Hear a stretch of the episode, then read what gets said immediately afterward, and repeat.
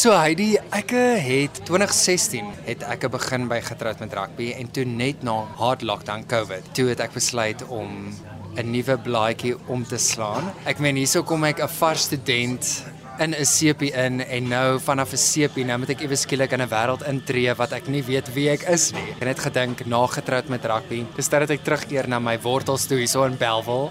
Ek was in 'n posisie waar ek in 'n wêreld gewoon het wat ek net 'n sekere hoeveelheid mense in die bedryf geken het en dit was my familie gewees by getroud met rugby. En ek dink toe ek myself gevind het in die Kaap weer, toe het ek een kontak gemaak waar ek begin het. Jo, Heidi, ek kan vir jou stories vertel van alles wat ek al gedoen het. So ek het eintlik begin deur om vertaling te doen vir vir oorklanking vir Turkse telenovelas en dit was my ongelooflike lekker leerskool en net 'n vorm van 'n 'n 'n bietjie van 'n inkomste wat ek nie gehad het nie. Veral omdat die land was nog en die bedryf was nog baie gesluit en ons was nog baie onseker oor wat vorentoe gaan gebeur in die vermaaklikheidsbedryf. En ek dink na die vertaling toe het 'n vriendin van my wat by Media 24 werk, toe sê sy vir my, "Hey Sean, kom werk hierso vir my." Toe laat sy my die vloerbestuurder wees van Minkie se program. Toe is hulle baie lief vir die werk wat ek gedoen het want ek was, kan nog as 'n soldaat wees op die vloer, dinge moet gebeur. Dit is nog 'n etiek wat ek geleer het by getroud met rugby.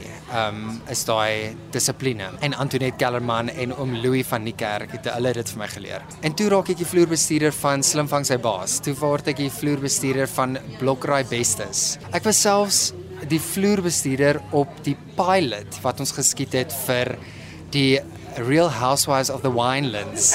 So ek was letterlik ek het al iets van alles gesien as dit kom by agter die skerms. En dit was ook iets wat vir my baie belangrik is is dat ek wil soveel as moontlik kennis opbou om myself te kry tot en met die punt waar ek eendag wil wees en dit is om 'n voltydse regisseur te wees. Ek het nou in 'n mate het ek 'n fondasie uiteindelik na hoeveel jare sedert ek die CP verlaat het. Jessie, jy was mos ook meneer Suid-Afrika, dan nie? Ja, so ek was nog altyd baie passievol oor mense en gemeenskap en en kindness en om terug te gee aan die gemeenskap. En as jy nie die sprong gaan neem, jy gaan jy altyd net op die kraan staan en jy gaan nooit weet of jy gaan vlieg inval nie.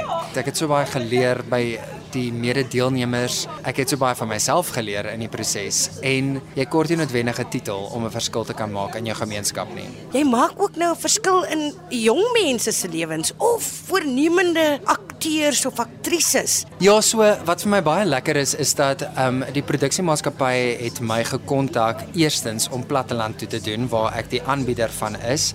Ek het nou al twee seisoene gedoen en was 'n ongelooflike lekker reis um, om ons land te verken en dit is eintlik baie snaaks want ek is maar nog iemand wat met 'n GPS rondry. Hulle het toe vir my gekontak rakende nog 'n produksie wat hulle het raak um, naamlik speeltoneel. En hulle sê toe vir my nee maar luister Sean, speeltoneel het so baie potensiaal, maar ons soek iemand om vir dit 'n nuwe blink poets te gee. Ja, ek ek het ek het natuurlik nou drama studeer by Stellenbosch, maar my plan was om onderwys daarna te gaan studeer want ek het 'n passie vir jong mense. Toe dink ek, okay, nou is my geleentheid om 'n verskil te kan maak. Ek het nou al so baie fasette van die bedryf aangepak dat ek het, ek voel op die ouderdom van 29 jaar kan ek sê dat ek het al alles gesien en alles iets van alles gedoen al. Toe was dit vir my 'n lekker uitdaging om 'n 4 maande kursus aan mekaar te kan sit waar ek weekliks vir die leerders 'n les gee van 'n halfuur lank. Dan daarbey gekoppel is daar 'n opdrag om dan hulle vaardighede te toets met hierdie les wat ek vir hulle gegee het en dan het ek direkte one-on-one kommunikasie met hulle deur die week om hulle te help om hulle vaardighede te versterk. Ek wil myself in daardie leerders se skoene plaas in die sin van wat sou ek baie graag daar uit wou kry. En ek het besef met alles wat ek geleer het in die bedryf is dat ek het iemand nodig om my sterk te maak vir wat daar buite is. Want almal dink natuurlik was net die glitz en glam en rooi tapuit of die blou tapuit ensovoorts. Maar dit is glad nie die geval nie en ek moet dit op die harde manier ook natuurlik raak sien. Die eerste maand fokus ek op back to basics. Die tweede maand gaan ek teater toe want dit is altyd vir my dit is hoe my kennis ook opgebou is is as gevolg van die feit dat ek het eers in teater begin. Maand 3 doen ek kamerawerk, professionaliteit, jou etiek as jy op 'n stel staan, sepiewerk, filmwerk, reekse en dan natuurlik om 'n aanbieder te wees vir 'n program want dit is ook 'n agtergrond wat ek nou al dra. En dan my laaste maand dan fokus ek op die industrie industrie self.